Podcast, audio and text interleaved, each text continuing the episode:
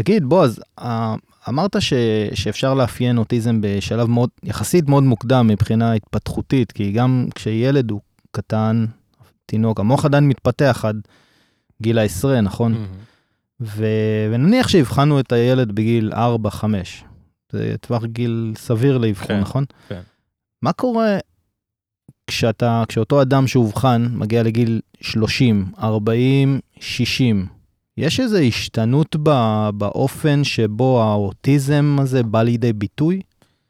אז, אז יש כמה הפרעות התפתחות שקשורות להתנהגות חברתית לקויה, כמובן שאוטיזם, אבל יש עוד, נגיד תסמונת וויליאמס ודברים אחרים, שאתה רואה שינוי בעוצמת הלקות ובאופי הלקות בעקבות אה, התבגרות טבעית של המוח. זאת אומרת, העובדה שבהתבגרות משתנים אנטומית אזורים פרונטליים קדמיים, מצחיים לדוגמה, שאחראים על קבלת החלטות ועיבוד מידע ודברים שכאלה, פיזית הם משתנים, בטח באדם הנורמלי, אבל גם באדם עם איזושהי לקות.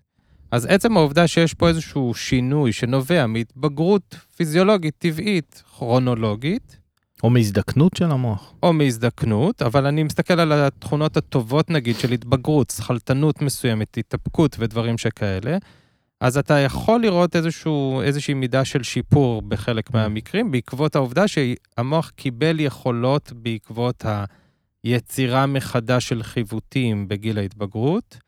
זה לא יקרה ככל הנראה כמו אצל אדם נורמלי, זאת אומרת, ההתבגרות המוחית הזאת היא לא תהיה מיטבית כמו באדם נורמלי, אבל היא תיטיב עם הלוקה בביצוע החברתי שלו, לדוגמה. זאת אומרת, יכול להיות שיהיה לך ילד שנכנס למעלית ואומר, אך, החולצה שלך מזעזעת היום. תודה. בכיף, תבלה. ואותו ילד, כשהוא יתבגר ויהיה לו איזה שהן עכבות אה, חברתיות, או איזה שהם מעצורים חברתיים שצריכים להיות, כי בבגרות אתה מקבל את השכלתנות ופחות מהמם. פזיז ודברים שכאלה, אמירה מאוד מאוד כללית, אני אומר עכשיו, זה יגרום לו להימנע מלהגיד את האמירה הזאת. או שהטיפול ההתנהגותי יגרום לו להגיד את זה. זאת אומרת, שיגיד לו, כשאתה נמצא בסביבה של אנשים שאתה לא מכיר, גם אם אתה לא אוהב את החולצה, תזכור שעד שאתה לא עוזב את האיש הזה, אתה לא אומר את האמירה הזו. זה טיפול התנהגותי, שפתי, אימפולסיבי, שבא לעצור את ההתנהגות החברתית הלקויה הזאת. אז בעצם כשאנחנו שואלים האם האוטיזם משתנה, אז זה בעצם הוא מיטיב, מיטיב עם הגיל. שוב, מתמתן אולי? זהו, מתמתן. זה, זה לא משהו שהוא מוחלט, יכול להיות שאותה דגנרציה שיכולה לקרות עם הגיל, דווקא תפחית יכולות שהיו, ועכשיו אה, היו זה- מופחתות. זה לשני הכיוונים כן, עובד. אז כאילו אין פה משהו מוחלט. אין תשובה מ- חד-חד ערכית. אין חד ערכית, וזה גם נורא תלוי באיזה אספקט אתה מדבר פה. על היכולת החזרתיות, יכול להיות שהוא יוכל להתאפק, ולו כי בגיל שלוש אתה לא יכול ללמד אותו לשבת על הידיים. ובגיל עשר אתה אומר לו, חמוד, כשאנחנו הולכים לדודה שלך ואתה בלחץ, שב על הידיים, בסדר? עכשיו, אתה לא יכול להגיד את זה לילד בן שלוש, אתה יכול להגיד את זה לילד בן עשר. Hmm, אלה טיפולים התנהגותיים. הבנתי. והם אפקטיביים. אם הילד מחזיק את הידיים, אז או שהולך לשירותים ועושה את המצמוץ ידיים שמאוד מרגיע אותו, ועל הכיפאק שיעשה את זה, אבל כביכול, אם המטפל מבקש שיעשה את זה לא בסביבה חברתית, זה טיפול התנהגותי שיכול להיטיב. הזכרת וויליאם סינדרום, ואני יודע שוויליאם סינדרום זה אחד מהתחומי מחקר שלך. תוכל אה, נכון. לתת כמה זה- מילים על וויליאם סינדרום? מה כן. השכיחות של זה? מה זה אומר? אז, אז תסמונת וויליאמס היא בעצם תסמונת גנטית בלבד, זאת אומרת, רק סיבות גנטיות שנמצאות. ב-DNA של כל הלוקים בתסמונת, הן הסיבה לתסמונת. וגם החסר הגנטי, הגנים שחסרים בתסמונת הזאת, הם מאוד מאוד דומים בין כל הלוקים בתסמונת. ולכן זה, להבדיל מהבעייתיות של אוטיזם עם הקשת והשונות והסיבות השונות, פה זה מאוד נקי. וזו תסמונת ש... אבל זה חלק מהאוטיסטיקס סינדרום דיזורדר? יש, לא, ממש לא. לא בקשת. ממש לא בקשת. Mm. יש... המופע הכי דרמטי בתסמונת וויליאמס זה התנהגות חברתית יחסית מוגברת מהנורמל. זאת אומרת, יש להם איזשהו דחף לעבור התנהגות חברתית, גם אם זה לעבור התנהגות חברתית עם בן אדם שאני לא מכיר. הם כביכול לא מצליחים לעצור את עצמם, זה נורא מוקצן ומוגזם, אבל יש להם מוטיבציה להתנהגות חברתית גבוהה יותר. Social appetite זה נקרא. Mm. ומעבר לזה, יש להם לקות שכלית, זאת אומרת, IQ ממוצע 60, כשבאוכלוסייה צריך להיות 100. יש להם בעיות פיזיולוגיות, לבביות וכולי, כל מיני דברים שכאלו. והגנים שחסרים שם, מופו, חלק מהגנים האלו, מה כל גן אחראי עליו. אחד הגנים שיורד בתסמונת הזאת, אחראי על ההתנהגות החברתית המוגברת. ואז אותי כנוירוגנטיקאי שחוקר את הסיבה הגנטית להתנהגות חברתית, זה אוצר בשבילי. ואני לכן חוקר uh, במעבדה, ביחד עם החבר'ה שלי, את הקשר בין רמות הביטוי של הגן הזה, מעולם התסמונת וויליאמס, וההתנהגות החברתית, וננסה להבין למה החסר הזה מוביל להתנהגות החברתית. האם יש יותר ברקסים? מהמם. האם זה קורה באזור של החרדה, שאולי הילד עם התסמונת אה, וויליאמס לא חווה את זה כחרדה לראות אדם זר וכולי. אז אנחנו מנסים להבין את ההיבטים הנוירוביולוגיים שקשורים לתסמונת הזאת. וזה ה... וכמה כאלה יש בארץ? זה סדר גודל שכיחות 1 ל-10,000, 1 ל-20,000, תלוי במחקר שאתה מסתכל עליו, מהמם. אז יש מאות, ב... מאות בארץ, אמ, ועשרות ומאות אלפי בעולם. מחלה, זו תסמונת שהיא נחשבת נדירה, זאת אומרת, מהמם. וגם לא כל כך, אה, אין לה פרמקולוגיה, אין לה תרופה שמטפלת בבעיה עצמה ממש, יש בה סימפטומים, זאת אומרת, את ה-ADHD שבא עם התסמונת וויליאמס, נותנים רטלין, עדיין אתה לא מטפל בתסמונת עצמה. אז, אה, אבל זה, ה, כן, זה בהחלט הנושא המרכזי של המחקר ב, מהמם. במעבדה שלנו. זאת אומרת, אם. הם אה, נמצאים במצב אה, עם חברתי חדש, הם פשוט ילכו ויציגו את עצמם, מה- איך זה מתבטא בדיוק? מעניין אותי. הם, אה, זה נקרא cocktail party phenotype, כאילו הוא ייכנס והוא יהיה המסמר של ה cocktail party, בקטע שלא נראה... אה, בקטע, לא בקטע שהוא נראה נורמלי. זה דבר שהוא מקסים לראות. כן. אה, ראיתי ילדים בבוסטון, ראיתי ילדים בישראל. הילדים מקסימים, אין דברים כאלה. מרגש עד דמעות לראות את הילדים האלה, כי הם ממש נהנים לעשות את ההתנהגות. החברתית שלך, וזה מהמם לראות את זה וזה מקסים. אבל זה שבן אדם יבוא ויגיד לך, תגיד, מה העניינים, מה אה, קורה, ו-. ויש לך ילדים, ויסתכל עליך, ו- הבנתי. אז, אז אני לא טוען שכל הילדים עם התסמונת עושים את הדבר כן, הזה או כן, נוגעים כן. לך, אבל אין ספק שהעולם הביולוגי עובד במינון, יש קשת מסוימת, אתה צריך להיות בטווח המרכזי. חסר יוביל אותך לאוטיזם, עודף יוביל אותך לתסמונת וויליאמס, אתה רוצה להיות באמצע. אז, אה. אז זה לא שהם חברתיים יתר, וכתוצאה מכך, כשלך יש עשרה חברים טובים, להם יש מאה. ההפך, יש להם דווקא קושי לתחזק איי, חברתיים. אבל אנחנו גולשים לוויליאמס, כן. וזה ה baby שלי, אבל בואו נחזור. אפשר אבל לשאול על אה, אספרגר? האם אז- זה משהו, מה- אני לא יודע כל כך מה זה אומר. אז אספרגר זה אה, יושב גם תחת הקשת של ה-ASD, זאת אומרת, האוטיזם ספקטרום דיסאורדר.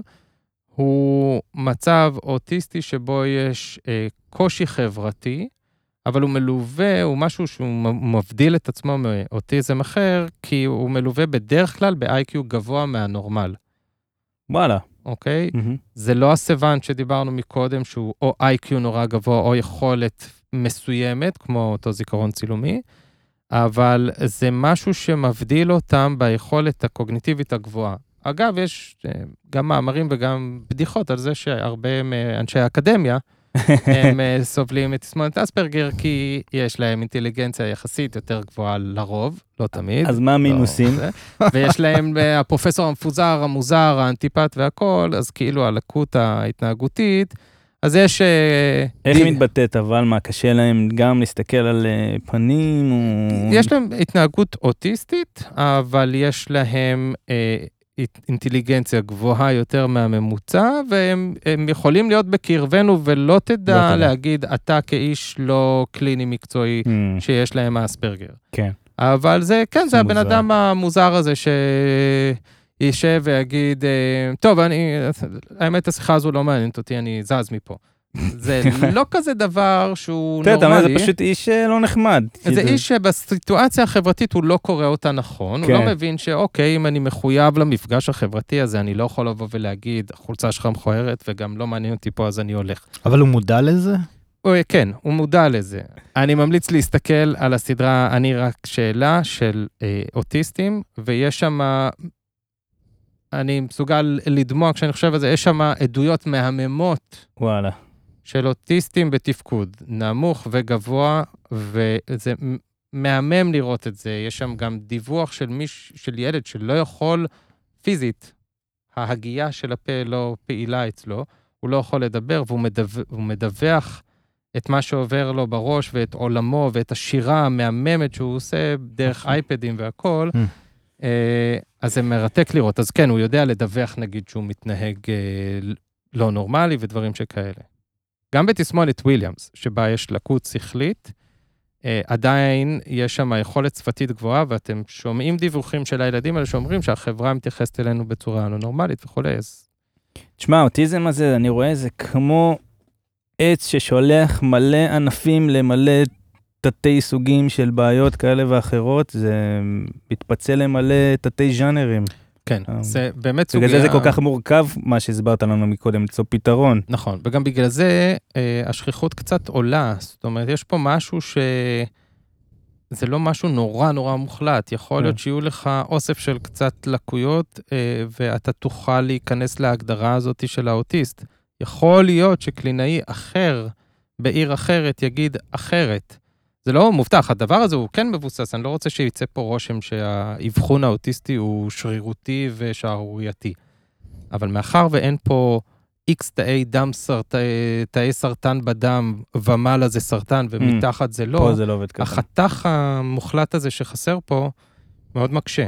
אבל, אבל איך חידשת קודם שאני חשבתי שהעלייה בשכיחות באוטיזם היא עניין של אולי מודעות גדולה יותר, רבה יותר, אה, אולי הבנה יותר טובה איך לאבחן, אבל עצם זה שאמרת שפשוט הכלילו יותר אה, קטגוריות ב-DSM, בספר שעל פיו הפסיכיאטרים אה, עובדים, זה בעצמו באופן טכני מעלה את השכיחות של אוטיזם. אז, אז, אז גם המשחקים, ההגדרות הרשמיות האלה ב-DSM יכול לשנות, אבל בואו בוא ניקח את זה ככה, ה-DSM-5 נמצא פה שנים רבות. תחת ההגדרה הזאת עדיין אנחנו רואים עלייה בשכיחות בשנים האחרונות, כשה-DSM-5 מה, נמצא. מה זה שנים רבות? עשר שנים? אני לא זוכר מתי הוא יצא, אני חושב שבתוך העשר שנים האחרונות הוא יצא. כן. כן, אני, אם אני לא טועה, 2012, אבל אני לא... זאת אומרת, גם. בעשור האחרון עדיין השכיחות. עולה. כן, משנה לשנה אנחנו Mm. רואים, ה-CDC בארצות הברית מדווח, ואתה אתה רואה שהשכיחות עולה גם תחת אותן הגדרות. CDC זה Center for Disease Control נכון, בארצות הברית. והוא מדווח על אה, ש... אפידמיולוגיה, שכיחות של אה, הפרעות. כן.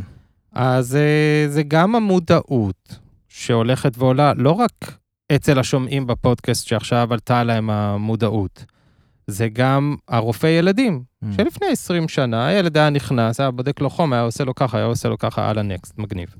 עכשיו משרד הבריאות אומר לך, מר רופא ילדים, נא הסתכל, שאל את האימא, כמה מילים הוא מוציא, האם הוא יוצר קשר עין. אני אה. הייתי עם הילדים שלי בטיפת חלב, אפילו לא רופא.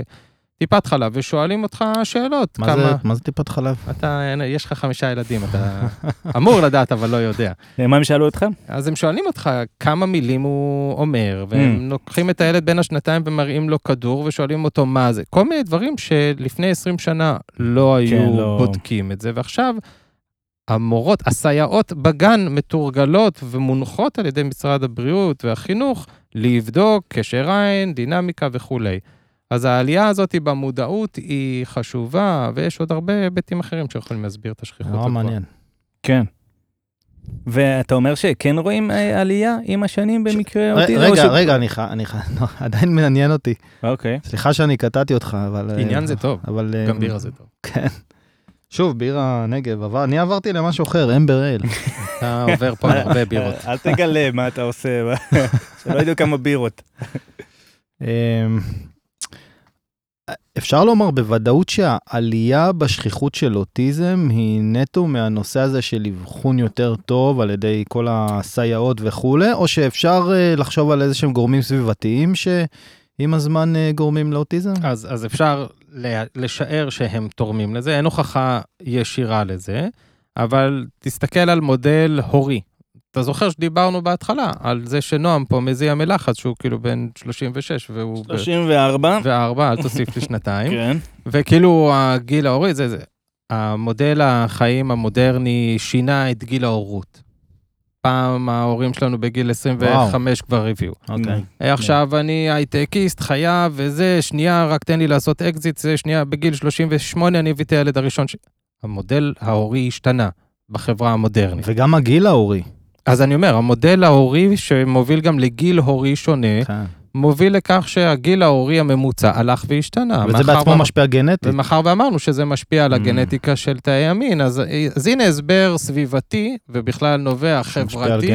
שמשפיע על גנטיקה, אז כן. אתם מבינים Mm. כאילו את המורכבות של כל הסיפור. רגע. ו- וזה גם... אז. זה רק לא. דוגמה לא. אחת שאלה למשהו. שיכול להעלות את השכיחות. כן, וואו. ואגב, אתה יודע, המהפכה התעשייתית, שקרתה לפני המון זמן, אבל שעכשיו ככל שאנחנו מתקדמים עוד ועוד, יש עוד אה, זיהום ב... אתה מסתכל על זיהום אה, באזורים מזוהמים, לא נגיד אה, נקודתית, אבל אזורים מזוהמים אבל חיפה, נגיד. ושכיחות אה, אוטיזם, ואתה רואה קורלציה. וואו. וואו, זה- בארץ? כן, גם וואו. בארץ. האם אתה יכול להוכיח אתה עכשיו שזה הזיהום שהוביל לאוטיזם? האם זה אלו שגרים ליד זיהום, יש להם גם אה, דברים אחרים שמשונים, ששונים בחייהם בהשוואה לאנשים שלא גרים בזיהום, וזה, אז אתה לא יכול להוכיח ישירות. אנחנו יודעים שזיהום סביבתי מגביר אה, ס- אה, סיכון לאוטיזם, אז, אז כן יש פה גם היבטים סביבתיים וכולי, וכן יש פה יכול להיות עלייה אמיתית בשכיחות, ולא רק בגלל עלייה במודעות כן. וכולי. אתם יודעים, דיברנו על הצ'יפ הגנטי עם היכולת לזהות גן מסוים, מהמם. זה לא היה לפני אה, אה, 20 שנה, כן. לא היה צ'יפ גנטי שיכולת לזהות בבטן עם המי שפיר, את היכולת של זה. אז זה גם מגדיל. מערכות הבריאות שלנו היום מתעדות יותר טוב, נכון? אז זה גם יכול להוביל לכך שזה יוביל לתיעוד יותר טוב של מקרים של אוטיזם. אמרת קודם שבעצם הגיל ההורי בעצמו יכול להשפיע על השכיחות של אוטיזם, ואנחנו לקחנו את זה לכיוון של שינוי בגיל כרונולוגי. שינוי בגיל הורים, אבל גם שינוי בגיל הורים משפיע על ההתנהגות של ההורה אל הצאצא, זאת אומרת, מישהו בן 18, הוא מתנהל אחרת, אני מעריך עם צאצא, מאשר מישהו בן 40, שעכשיו יש לו צאצא ראשון. אבל זה מוביל אותי לעוד שאלה של, או לעוד נקודה של, אה, בקיבוצים היה נושא של לינה משותפת שהיא רחוקה מהבית, זאת אומרת הילדים היו מופרדים מההורים שלהם בגיל מאוד מוקדם. האם נעשה איזשהו מחקר או שמצביע על איזשהו קשר בין דבר כזה לבין אוטיזם? אז, אז מסתכלים על ה-care giver, הנותן הטיפול, המטרנל או הפטרנל, האמא או האבא, וכיצד הטיפול הזה משפיע על ההתפתחות של ההתנהגות של הילד. אה, תראו, אוטיזם פעם מוגדר כהאשמה הופלה על האימא, האימא הפריג'ידית, האימא הקרה, שבגללה היית נכנס עם ילד אוטיסט לרופא, והוא היה אומר, זו את אשמה, זו. את שאת לא מביאה לו חום. וזה הוביל להתאבדויות של אימהות ודברים. כאלה, דברים מזעזעים שהיו פעם אה, בהבנה של זה. יש קשר בין הליווי ההורי ומתן התמיכה ודברים שכאלה. האם זה ייקח ילד ויגרום לו להיות אוטיסט. גם לתנועות רפיטטיביות ועניין מסוים בתקליטים של זוהר גוב, זה פחות uh, סביר שזה יתפתח רק מהסיבה ההורית. מתן הטיפול ההורי, שזה יוביל לאוטיזם של ממש, uh, קטונתי, אבל אני חושב שלא. לא, אבל במחקרים של בעלי חיים, אה, שאתה אה, מפריד צאצאים מההורה, אפשר לראות השפעות אה, על ההתנהגות של הצאצא. נכון. אז כן. הש... השאלה שלי, האם אה, אי פעם אה, עשו קישור בין אוטיזם לבין הפרדה הורית אה, כפויה שכזו? אז יש אה, עדויות לזה, נגיד, כשאתה לוקח, אתה מסתכל בבתי אה, יתומים ברומניה, לפני עשרות שנים הסתכלו, והסתכלו להם על המוח, אז אתה רואה שהחיווטים שלהם לא נורמליים. Mm. שכבות הציפוי של שלוחות תאי הצו, מה שנקרא מיילין, אה, נמוכות יותר, וכל הפיזיולוגיה שלהם לקויה יותר. עכשיו, האם זה מוביל לאוטיזם של ממש? האם זה נובע מהמרחק מהאימא? מה עם העובדה שהוא ישן עם אה, 400 ילדים בחדר? מה עם העובדה שהוא בתת-תזונה? מה עם העובדה שהוא בסטרס? מהמם. אז הדברים האלה הם קורלטיביים. קשה להגיד... כרגיל, הרבה סיבות, כן. הרבה גורמים. כן, אה, אין פה משהו, זה לא שפגעת בגן, שן שלוש, הורדת את הביטוי שלו וכתוצאה מכך קרה ככה. הבנו. לכן זה המח- תמה חוזרת באוטיזם, יש הרבה נכון, כי- גורמים, ואנחנו נושא לא יודעים. להגיד בדיוק. נושא כן. מורכב. אתה יודע, זה כמו שאומרים, אה, האמריקאים האלה, כן, שמנים, זה... מה זה, מה זה האמריקאים האלה? נכון. מה זה האשכנזים האלה, יבשים, מה זה המזרחים האלה? לא, אשכנזים, אי אפשר זה נכון, בגלל זה אנחנו שותים הרבה בירה, כדי לא להיות יבשים. תגיד, אני רוצה שנייה לחזור לצ'יפ, אני יודע שאני לוקח אותנו אחורה. הצ'יפ בעצם מכסה את העניין של הגנטיקה, נכון? שהעובר, נכון. אבל זה עדיין לא אומר שלא יהיה אה, סיכוי ברור. לאוטיזם. ברור, אתה יודע, זה כמו משפט בפסיכומטרי. אה, זה בדיקה ב- בצ'יפ, ת- תבדוק לך את הגן הזה, זה לא אומר שאין גנים אחרים. מורנו. גורם סיכון אחד. אה, וגם לא לגמרי, זה עדיין יכול להיות גנטי. נכון, תראה, יש מאות גנים וואי, שקשורים להיבטים האוטיסטיים והפרעות אחרות וכולי. אין ערבות לצ'יפ הזה. זה- אין ערבות, אני יכול להגיד לך שמה שבדקתי בצ'יפ הזה, שנק 3, נוירוליגן 4, טה-טה-טה-טם, אין לעובר שלך בעיה גנטית בהקשר הזה. שאני יודע עליה. שאני, בדיוק. ש- הבנתי. לא רק שאני יודע בספרות או, או כעולם הרפואה, אלא שאתה הסכמת לשלם את הצ'יפ של ה-2,000 שקל ולא ה-5,000, כי ניסית לחסוך. אה, יש אפילו צ'יפ בצ'יפ של שיודע, ה-5,000 אני אוסיף לך עוד 400 תסמונות אחרות. ואז אתה ואז גם לא אתה- מכוסה עד הסוף? ברור שלא. וואלה. ויכול להיות שאתה, ייוולד לך ילד, ויום אחרי זה יתפרסם מאמר בעיתון המדעי הכי טוב בעולם, שמגלה שהמוטציה בגן אה, נועם 3 היא קריטית להתפתחות אוטיזם. כשאתה בדקת על העובר שלך, לא היה ידוע את זה, ולכן זה לא היה בצ'יפ, וואו. ויום אחרי הלידה זה קרה. לכן מחקרים בסיסיים במעבדות שמאפיינות היבטים גנטיים של אוטיזם חשובים, כי הם יכולים להגדיל לנו את ההבנה הזאת. אוקיי, הבנתי אותך. אז בוא... אני, אני רק עוד דבר אחד להגיד בצ'יפ. הצ'יפ הזה הוא לא כזה דבש והכל אה, כזה מושלם שם. הצ'יפ הזה יכול לבוא ולהגיד לך, ראיתי תוספת של גנים שיש בכרומוזום 7, ראיתי שיש לך שם עוד ככה וככה גנים, אני לא יודע להגיד לך מה זה. עכשיו, זוגות יכולים uh, להשתגע מזה. עכשיו, כאילו, לך תדע, יכול, יכול להיות שאלה גנים לעיניים כחולות ואינטליגנציה ומדהים, יכול להיות שזה גנים שיעודדו פיגור. אני לא יודע להגיד לך את זה, וואו. בהצלחה עם ההיריון. אז אני לא מציג שהצ'יפים כל האלה כל כך... התחום הזה הוא אה, מרגיש לי קצת אה, בעייתי. זה עניין אישי, החל, עניין החל. מנושאים של אה, השבחת, זאת אומרת, אני רוצה לא. ילד שיש לו רק אה, פונקציות טובות, זה יגיע לשם. זאת אומרת, הצ'יפ הזה עולה לשם. עכשיו 5,000, עוד עשר שנים, נראה לי ריאלי, הצ'יפ הזה יעלה גם כן עדיין 5,000, כי הטכניקה תהיה יותר אה, יעילה וכולי, אבל הוא יכלול הרבה יותר היבטים התנהגותיים של מראה וכולי. אז בוא נקווה שכדי שהבדיקה הזאת של הצ'יפ מקליפורניה תהיה תקפה מבחינת ה-FDA, ה-FDA ימשיך לבקר את העובדה שאתה בודק פה דברים מסכני חיים או מסכני איכות חיים, ולא צבע בלונד או לא בלונד. האם אפשר לבדוק את הדברים האלה? אתה יודע, בסין הנדסו עוברים אה, הומניים גם. כאילו, כן, זה מאוד, הנשק הגרעיני הזה נמצא שם בחוץ. אני, בוא נקווה שזה לא יגיע לשם, אבל בצ'יפים הגנטיים האלה הם רפואיים והם מזהים לך פתולוגיות שזה יכול להציל לך את המשפחה הקיימת עכשיו. אולי זה מוביל להפרעה נוירולוגית מאוד מאוד קשה, שהילד לא יוכל לשרוד אחרי שנה. אז, אז, אז יש פה כל מיני היבטים, וכמובן ש... לא, אני אומר, אני אומר את זה בגלל שאמרת שיכול לצאת תוצאות שם שאומרות, אני, אני לא יודע מהי המשמעות של נכון. זה, אבל זה מעלה את רמת החרדה אצל ההורה, שאומר לעצמו, חד משמעית. אין לי מספיק ידע כדי להתמודד עם כל המידע הגנטי הזה, משמעית. הרופא או המאבחן לא, לא יודע בעצמו לומר לי. נראה לי קצת אה, צריך בעייתי. לבוא עם uh, תפיסה מאוד ברורה לפני שאתה עושה את הצ'יפ הזה להערכ- לתפיסתי האישית. אני עשיתי על שלושת ילדיי, ומה שאמרנו, אני ואשתי, שאת הממצאים, אם הם מוחלטים, יש ספרות, והיועץ הגנטי אומר לך, זה מוביל ל-X, Y ו-Z, מזה אנחנו מתייחסים. אם הוא אומר לי, יש לך תוספת של גנים, אני לא יודע מה הם, אז בסדר, אני גם לא- לנו יש תוספת של גנים, הבנתי. כן. ואנחנו חצי בסדר. זה לא מעט, כן. לא מעט. לא מעט. כן. אני לא מבין איזה הורה לא יעשה את הצ'יפ של ה-5,000 שקל. הורה שאומר, עזוב, אני, מה אתה רוצה שאני אה, אדע שלילד שלי יש אוטיזם? אז מה, אז אם יש לו אוטיזם, אני עדיין רוצה אותו. אם זה מסיבות דתיות, אם זה מסיבות Mm. עקרוניות, אם זה מסיבות רוחניות, זה הגורל המקדום, הבנתי, וזה הילד אוקיי. שצריך לבוא. בסדר גמור, אז שהוא יבוא. אגב, ילד עם אוטיזם, זה לא סוף העולם, לא, לא, ילד קסם. כן, אז לגמרי. אה, יש פה לא כל. מיני דרגות שונות. אוקיי.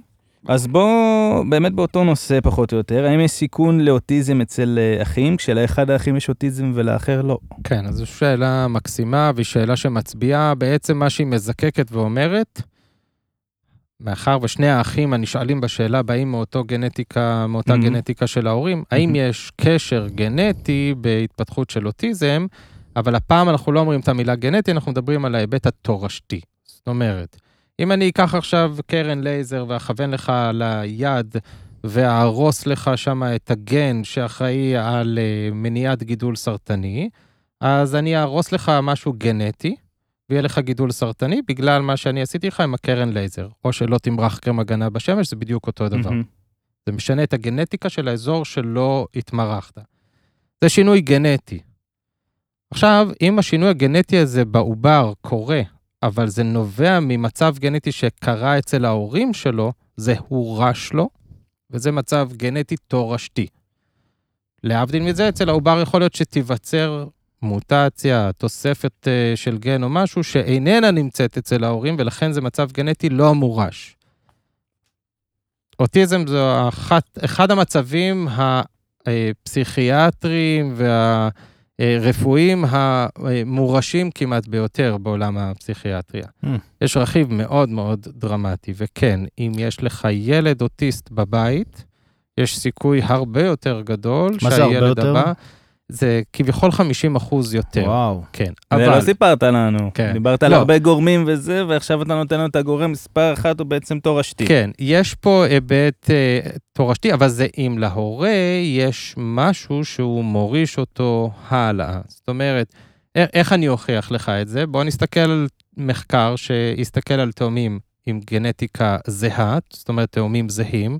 שני האחים האלה שאתה מסתכל ואתה אומר, וואי, מי זה יוסי ומי זה אייל, אני Mhm. לא מזהה את ההבדל. יש להם את אותו DNA בדיוק.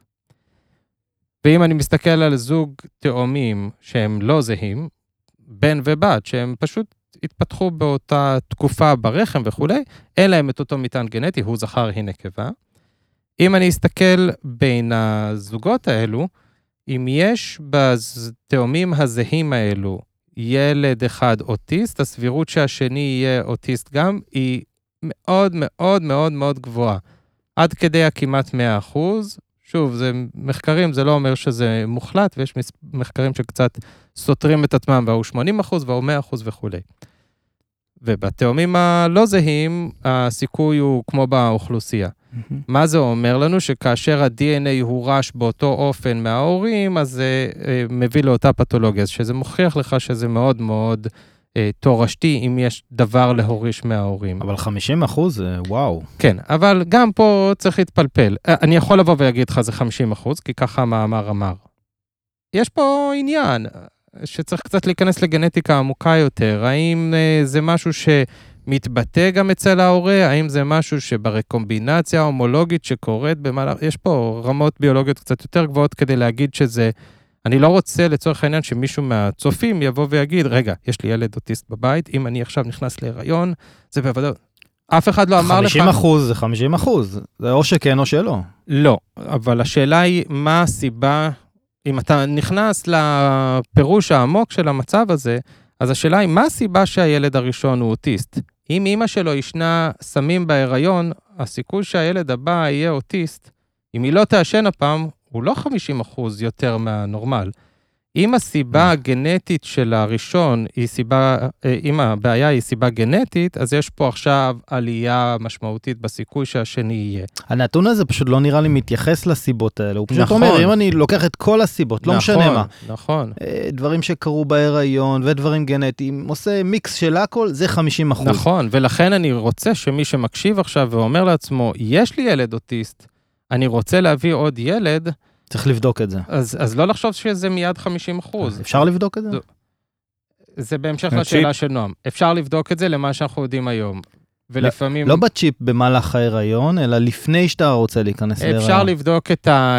מה שיעשו במצב כזה, ילכו ליועץ גנטי, והוא ירצף את הגנום של הילד האוטיסט הקיים, Mm. ההורים, כדי לראות האם המצב הגנוטיפי האבנורמלי אצל האוטיסט, אם הוא בכלל קיים, כי זה לא בטוח שזה מסיבה גנוטיפית. רגע, רגע, אתה צריך אה, לפשט לנו את מה אוקיי. שאמרת. אם הילד האוטיסט שקיים עכשיו, שאנחנו רוצים להוליד לו. אח. אני מרצף אותו, בודק את ה-DNA שם, רואה שיש פגיעה גנטית, אסתכל אצל ההורים, האם גם אצלם יש את הפגיעה הגנטית הזו, אם כן, זה אומר שזה הורש מהם. צריך להבין קצת אה, בגנטיקה, יכולה להיות בעיה גנטית אצל עובר שאיננה נמצאת אצל ההורים ונובעת מה שנקרא דה נובו, זה קרה רק אצל העובר ולא קרה אצל ההורים. אוקיי.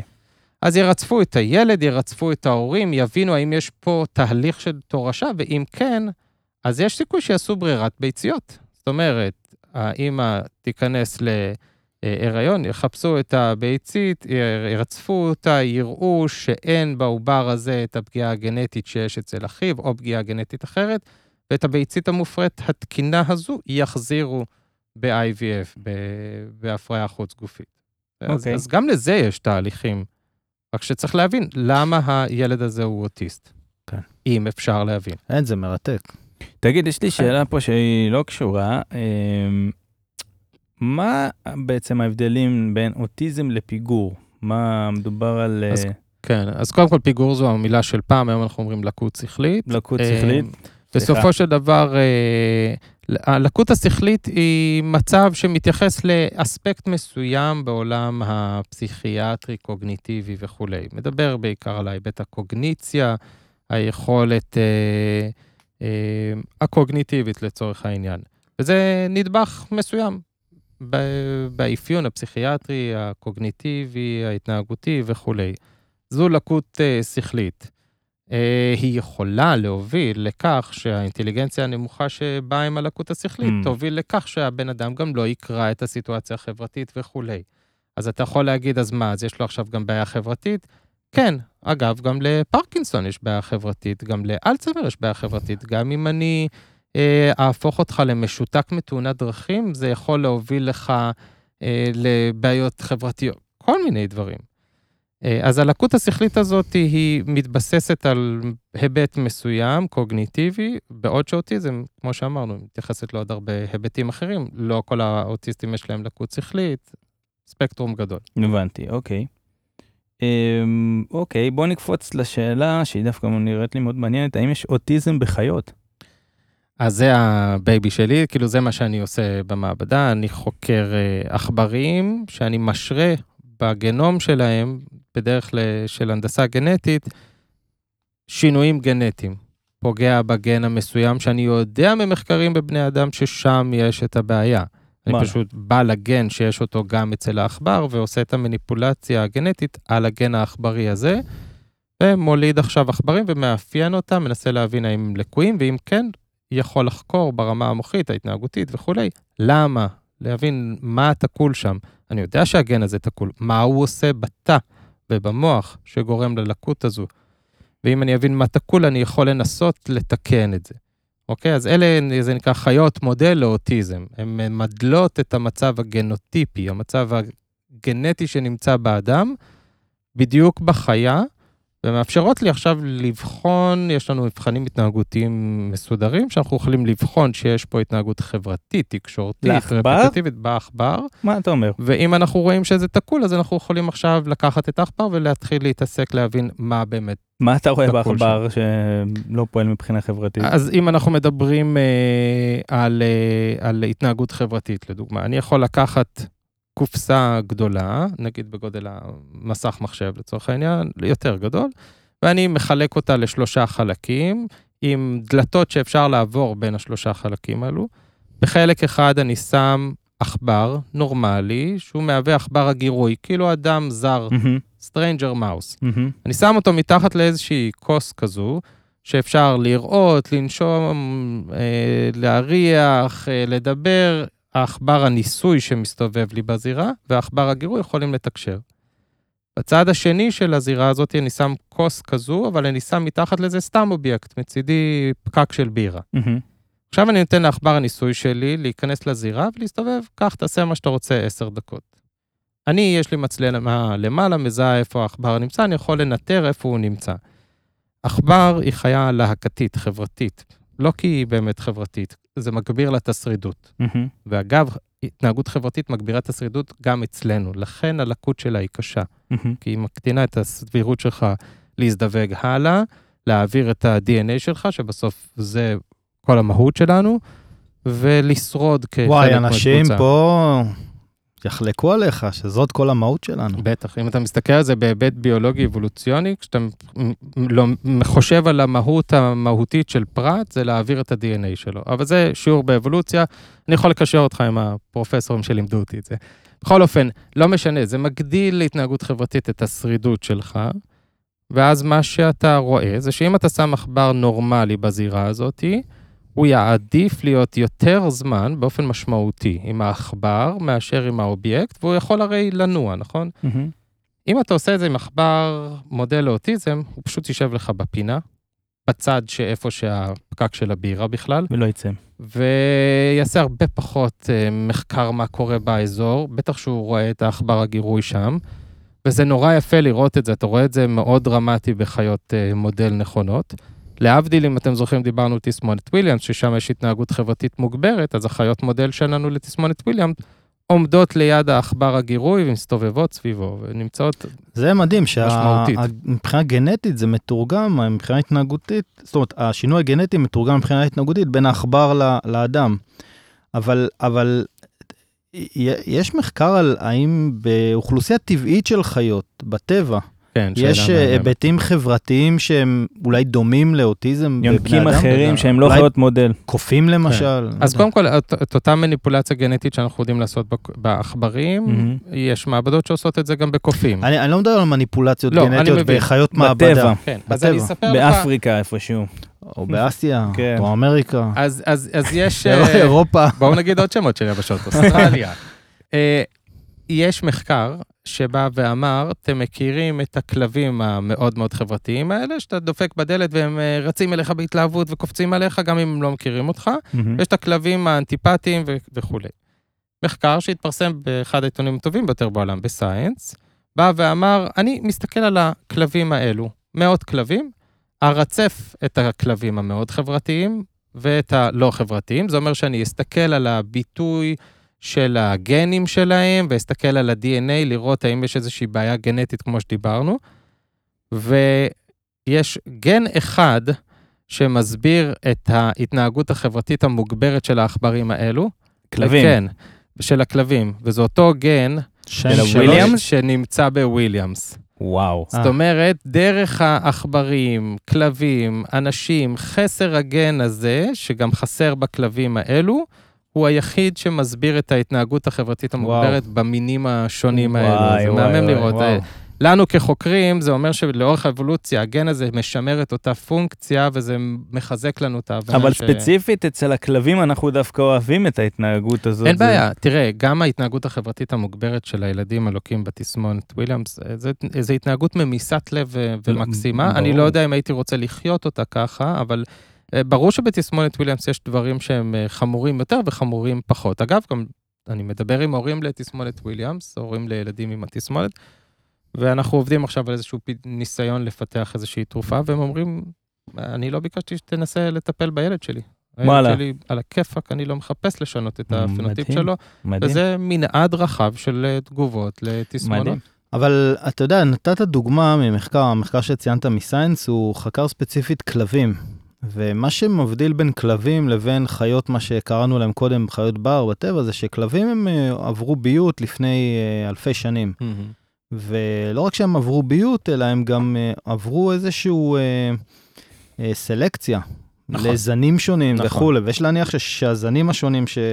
לגמרי. שהיו במחקר, הם עברו סלקציה מאוד ספציפית. הש- השאלה שלי, האם נעשה מחקר בחיות שהן לחלוטין חיות בר, למשל באוכלוסיית אה, שימפנזים, או באוכלוסייה, לא יודע, כן, אז... אז- אריות. מה? אריות, נמרים. אני, אני פשוט מנסה לחשוב על אוכלוסיות של חיות שהן אה, בקבוצות גדולות, אה, פחות אה, בסכנת, אתה יודע, כן, הכחדה וכאלה. אז יש מחקרים שמתעסקים בזכר האלפא הזה. או בדגים למשל, לא אוקיי, יודע. מה אומר? כן, אז, אז מנסים להבין את הסיבות הנוירוביולוגיות מהמם. לאותה דומיננטיות, האם זה הריח דרך הפרומונים, האם זה המראה, האם זה הכסוף גב שהוא, שהופך גורילות, אותו, כן. כן. או שההפך, בגלל שהוא נהיה דומיננטי.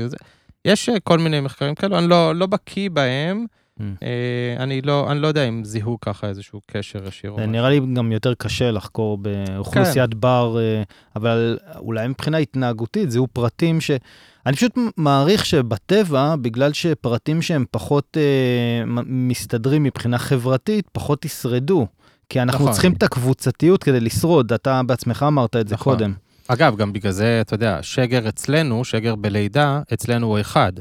גג, ארבעה, חמישה, אוקיי? שגר בתהליך לידה. כשאנחנו, שאישה כי עכברים, אה, יש להם מספר אה, עוברים. ועכברים כן. או חיות אה, שיש להם תמותה מוגברת יותר, השגר הוא גדול יותר. זאת אומרת, כי השרידות, ברור שהיא נמוכה יותר, כי הם התערפו על ידי הבאז וכאלה, אז אבולוציונית נוצר מצב שהשגר הוא גדול יותר כדי להגדיל את שרידות הפרט הזה שמעביר את הצאצאים מהמם. הלאה. אה, אבל המחקר הזה של נגיד חיות הבר שאתה מתאר, הוא מחקר אם אתה מתעניין בזואולוגיה. מעניין אותי דינמיקה בין עכברים, בין חיות הבר שנמצאות בשטח. בהמשך לני- לנס- לניסיון שלנו לנקות את המדע ולהפוך אותו להרבה פחות רעש, מהמם. אז אנחנו חוקרים במעבדה זנים מאוד מאוד מסוימים של עכברים, שבעצם עוזרים לנו לקבל רקע גנטי מאוד דומה. ואז אנחנו מקטינים לעצמנו את השונות שבאה מהסביבה והגנטיקה וכולי, ולכן לחקור חיית בר, כל חיית בר היא שונה אחת מהשנייה. נכון. אז אה, כי ההיא באה מהשכונה הזאתי וההיא באה מהשכונה הזו. העכברים שלי ושלך במעבדות השונות שלנו הם בדיוק עם אותו רקע גנטי, וזה משהו שהוא חשוב. הממצאים מהמם. שנמצאים אצלי במעבדה, גם ב-MIT יימצאו ככל הנראה, כי לשנינו יש את אותם עכברים. אז יש פה שאלה מה אתה מחפש לדעת. אם אתה מחפש לחקור עכברים בטבע, אז השאלה שלך היא נכונה. מעניין. אוקיי. בוא נשאל אותך לגבי הקשר בין אוטיזם לחיסונים. אה, השאלה שתמיד אה, מציפים ושהיא אה, נובעת ממיסקונספציה, שבעבר אנחנו בקהילה המדעית היינו אומרים שזה טיעון לא נכון והיינו מנסים להסביר למה וכולי, היום לשמחתי זה כבר מסודר ויש על זה דיווחים וכולי. זאת אומרת, זה התחיל מאיזה פייק ניוז? מדובר בפייק ניוז מוחלט. עם אינטרס מוחלט, חד משמעי, אלה אמיתות מוחלטות שאני אומר היום שלפני 10-20 שנה, לא 20 שנה, אבל היינו אומרים אותם יותר בגמגום פעם, כי לא היה לנו הוכחות אה, מוחלטות כמו שהיו היום בעדויות רבות. מדובר במחקר שקודם כל השתמש במספר קטן מאוד של אנשים, 12 אנשים אם אני זוכר נכון. מדובר במחקר שאמר שיש קשר. מחקר אה, שחוקר רופא מצא לטענתו שחיסון MMR שניתן בגילאים צעירים לילדים, מגדיל את הסיכוי להתפתחות אוטיזם בהמשך. המחקר הזה בוצע בצורה שערוריות. בוא, בוא נתחיל ככה. המאמר הזה נגנז, הוכח כלא נכון, וכל המשפט הזה הוא לא נכון. למרות שהוא פורסם בג'ורנל די הוא טוב, פורסם נכון? בג'ורנל מטורף. אה, ב-New England Journal of Medicine. לא, אבל הוא פור- פורסם דומה? הוא פורסם בז'ורנל מצוין, גם ב New England וגם ב Nature, בעיתונים הכי טובים שיש. יש עדיין retraction, משיכה של אה, מאמרים, מסיבות כאלה ואחרות. האדם הזה עשה את המחקר הזה על 12 אה, חולים, אם אני זוכר נכון, שזה לא מדגם מספיק מייצג כדי לקבוע אמת כזו, שצריכה, אני מזכיר, סטטיסטיקה גדולה, דמוגרפיה, הסתכלות גדולה. אפידמיולוגיה של האוטיזם. דבר שני, מעניין שבאותה תקופה הוא, כאימונולוג, פיתח חיסון אחר. כנגד דברים דומים, וה-MMR הזה לא בא לו טוב כלכלית. אמ, אז הוא עשה פה פייק ניוז כדי שלהגיד שזה בעצם אה, מגדיל את הסיכוי. מעניין שהוא באותה תקופה רשם פטנט ופיתח את החיסון הזה. הדבר הזה מוכח כלא נכון יש עשרות, green. בדיוק, יש עשרות מחקרים אחרים שניסו אה, לוודא את האמיתות או לא אמיתות של זה, ובסופו של דבר זה הוכח כלא נכון. אין קשר אבל זה עשה באז. כל כך משמעותי, ברור. שזה אוטיזם- עדיין מהדהד. זה כמו שיש. נגד החיסונים עכשיו של הקורונה, נכון. אתה יודע. תראה, אבל זה מהדהד כבר שנים. מה שהציבור... קורונה זה אנחנו עכשיו נמצאים בסיטואציה אה, כן, נכון. שאולי אפילו, לא, זה לא אולי, היא ניזונה עדיין מה- מהגלים של המחקר שעכשיו בועז תיאר. כנראה. כן, אז, אז uh, uh, קודם כל, אוטיזם פוגע בהרבה מאוד בתים, אז יש פה באז שמעניין הרבה מאוד אנשים. חוץ מזה, יש פה משהו שניתן לכל הילדים, זה חיסון שניתן לכולם. אני לא מדבר איתך על אם תצא מפה לדובאי, אולי תיחשף לווירוס הקורונה, אז אל תצא לדובאי. לא. זה משהו שכל ילד מקבל, אז זה מעניין את כולם. כי אתה אומר בעצם, כל הורי העולם, דעו לכם שהפעולה שאתם בטוח תעשו בגיל X לילד שלכם, מגדיל את הסיכויים לאוטיזם, אז ברור שיהיה על זה באז. מהמם. אז הוא בעיה, אז אין שום קשר בין חיסונים לאוטיזם. ראית אותי מגמגם הרבה פה והרבה אמ- אמירות כלליות כן. וכולי, זו אמירה מוחלטת חד משמעית. אוקיי, קיבלנו. אז תשמע, לסיכום אני רוצה לשאול אותך אה, שתי שאלות שהן די קשורות. אה, דבר ראשון, אני רוצה לדעת איך חוקרים אוטיזם, ואיך אתה הגעת לחקור אוטיזם באופן אישי. אוקיי. אז המחקר באוטיזם הוא בעצם ב- בשתי רמות, זאת אומרת, זה או ברמה של המחקר הבסיסי, שאתה מנסה להבין תהליכים ביולוגיים בסיסיים, וזה בדרך כלל אתה עושה את זה בחיות פשוטות יותר, כמו עכבר לצורך העניין. אמ, אתה בעצם משרה מצב גנטי בעכבר, בדומה למה שראית אצל אנשים, מסתכל במוח, בהתנהגות, בתאים הקטנים, נגענו בזה. מבין, נגענו, ראינו שיש בעיה, אנחנו מנסים תרופות מסוימות, אם זה יעיל אצל העכבר, נעלה אולי לקוף ונעלה למחקר קליני באדם.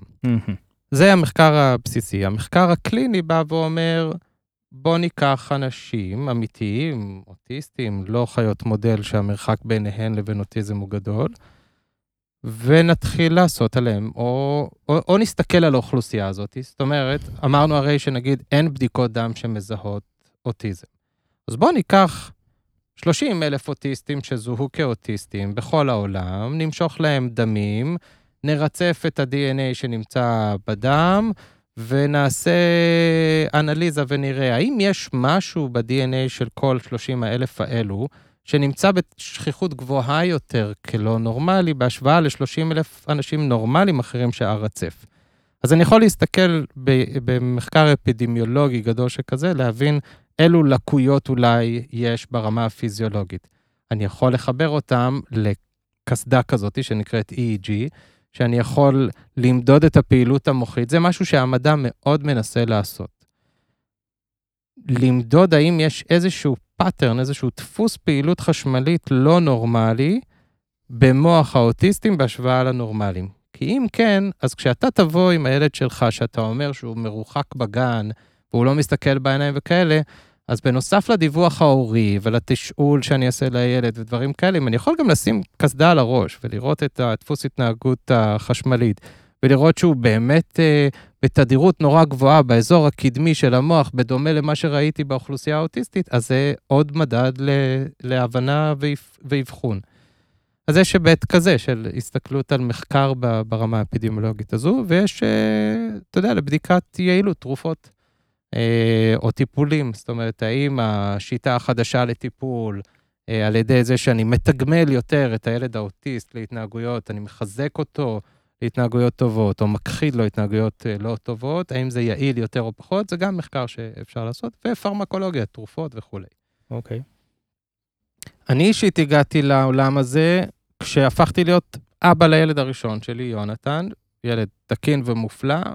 אבל פשוט פתח לי את היצר האבהי הזה, שגרם לי להבין שהעולם הזה של מחלות התפתחות או הפרעות נוירולוגיות שקשורות לנוירו-התפתחות לקויה, זה נושא שהוא מעניין ו- ומרגש אותי לחקור, והתעניינתי אה, לחפש משהו שהקשר בו יהיה מאוד ישיר. זאת אומרת, לא שאני לא יכול לדעת מה האמא עשתה וטה-טה-טה, אלא הנה פגיעה בגן, הנה פגיעה בהתנהגות, קשר ישיר, ברור שההתנהגות הזאת נבעה מהפגיעה הגן הזה ספציפית הוא הלקוי, בוא תנסה להבין מה זה. כי אני מאוד אוהב את הקשר הישיר ולא המס... ה... הלא מבוקר הזה. אמ, ואז השילוב של שני הדברים הפך את זה שבעצם התחלתי לשמוע על הורים צעירים כמוני, שיש להם ילדים עם אוטיזם, וכל כל העולם הזה חשף אותי, אה, וחיפשתי נושא שיהיה לי מעניין לחקור בפוסט-דוקטורט, תקופה שעושים בחו"ל אחרי הדוקטורט, ושיש בו כלים מדעיים מגניבים שיכולים להיות אה, מעניין לחקור, אה, ארצה לחקור את זה עכשיו ב-40 שנה שנותרו לי, ובתקווה אפתח מעבדה ואוכל לחקור את זה, ושהמעבדות, האוניברסיטאות בארץ ירצו לקבל את הנושא הזה וכולי. פרגן לעצמו עם 40 שנה. למה? צעיר. זה כלום. 38 ו-6. אני אפרגן לו בעוד 60. כן. גם לך. אתה לארג', זה לא, הוא פרגן לעצמו. אני אומר, עד גיל 80, אז יבטאו אותי כבר סופית. בואו נבדוק, נחכה. כן, נראה לי שלפני. נחזור אליכם עם אה, כן. מסקנות. תהיו איתם בקשר עוד 40 שנה. יפה, מרתק. אתה אומר, הילד שלך בעצם גרם לך אה, לרצות, אפילו שהוא תקין לחלוטין. כן. ו... לגמרי, היצר האבאי הזה של היצור המושלם הזה, שאתה אומר לעצמך, יש אנשים שלא מתפתחים בצורה נורמלית, בוא ננסה להבין קורה? למה, מגניב. ולא מתיימר לנסות לעזור, אבל לפחות להבין. זאת אומרת, לא מתיימר לפתח אה, תרופה בהכרח. אתה חושב כן. שתמשיך אה, לחקור את התחום הזה עוד הרבה זמן, או שיש דברים שכבר קורצים לך ואתה אולי עוד שבע שנים תעבור אני אליהם? חושב שאני אביא לתוך התחום הזה של ה-Neuro-Developmental Disorders, ההפרעות אה, הנוירו-התפתחותיות האלו, אני אביא אליהן דברים שמעניינים אותי, כמו שיטות לגירוי מוח ללא הכנסת אה, משהו לתוך המוח או דברים כאלה. אה, זאת אומרת, אני אשפר את ההבנה שלנו בתקווה מה לקוי שם, ואביא שיטות חדשות, נגיד, לתקן את זה ודברים כאלה. אני לא חושב שאני אשנה את התחום מחקר, אני Mm. מקווה להעשיר בשיטות ובהבנה, ש... אבל באותו, באותו תחום. זאת אומרת, זה נושא שהוא מרתק כן. אותי.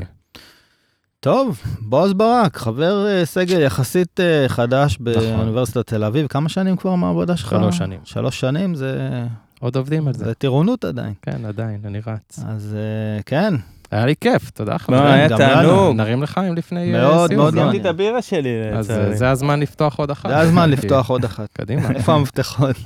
נעשה את זה off screen, כן. נרים עוד אחת. טוב, אה, תודה רבה. על הכיף. היה סופר מעניין. ממש, למדנו נראה לי הרבה. כן. גם אתה הופתעת, אני רואה, בהרבה שמח. מאוד. כן. וקשה להפתיע אותי. כן. יש אה, תקווה. כן. אנחנו מתקדמים בהבנה, ולאט לאט אה, צריך לקחת את זה בריצה ארוכה, אבל אני מאמין שיש תקווה. צריך להיות אופטימיים, זה בטוח, ואנחנו עושים את מירב המאמץ. אתה רואה? אז הוא קצת יותר אופטימי. הוא ממני. כן. שונה ממך אבל זה בעניין בגלל. שאני צעיר יותר בזמן כן. במחקר, ואז אני... רגע, מה מה זה עושה אותי? אתה זקן, חביבי. טוב, יופי. אמ, אוקיי, מעולה. עכשיו אני חושב שאנחנו נפרסם עוד מעט את ה... נפרסם בלינק נפרד את השיר שאנחנו כן. הולכים לבצע היום, של Powder, של ניל יאנג, שנקרא Powderfinger. yeah, ו... זהו, סיימנו להיום, בועז, תודה. ממש תודה רבה שוב פעם. נהניתי מאוד. הקדשת זמן. על הכיפאק, נהניתי. תודה חברים. yeah man.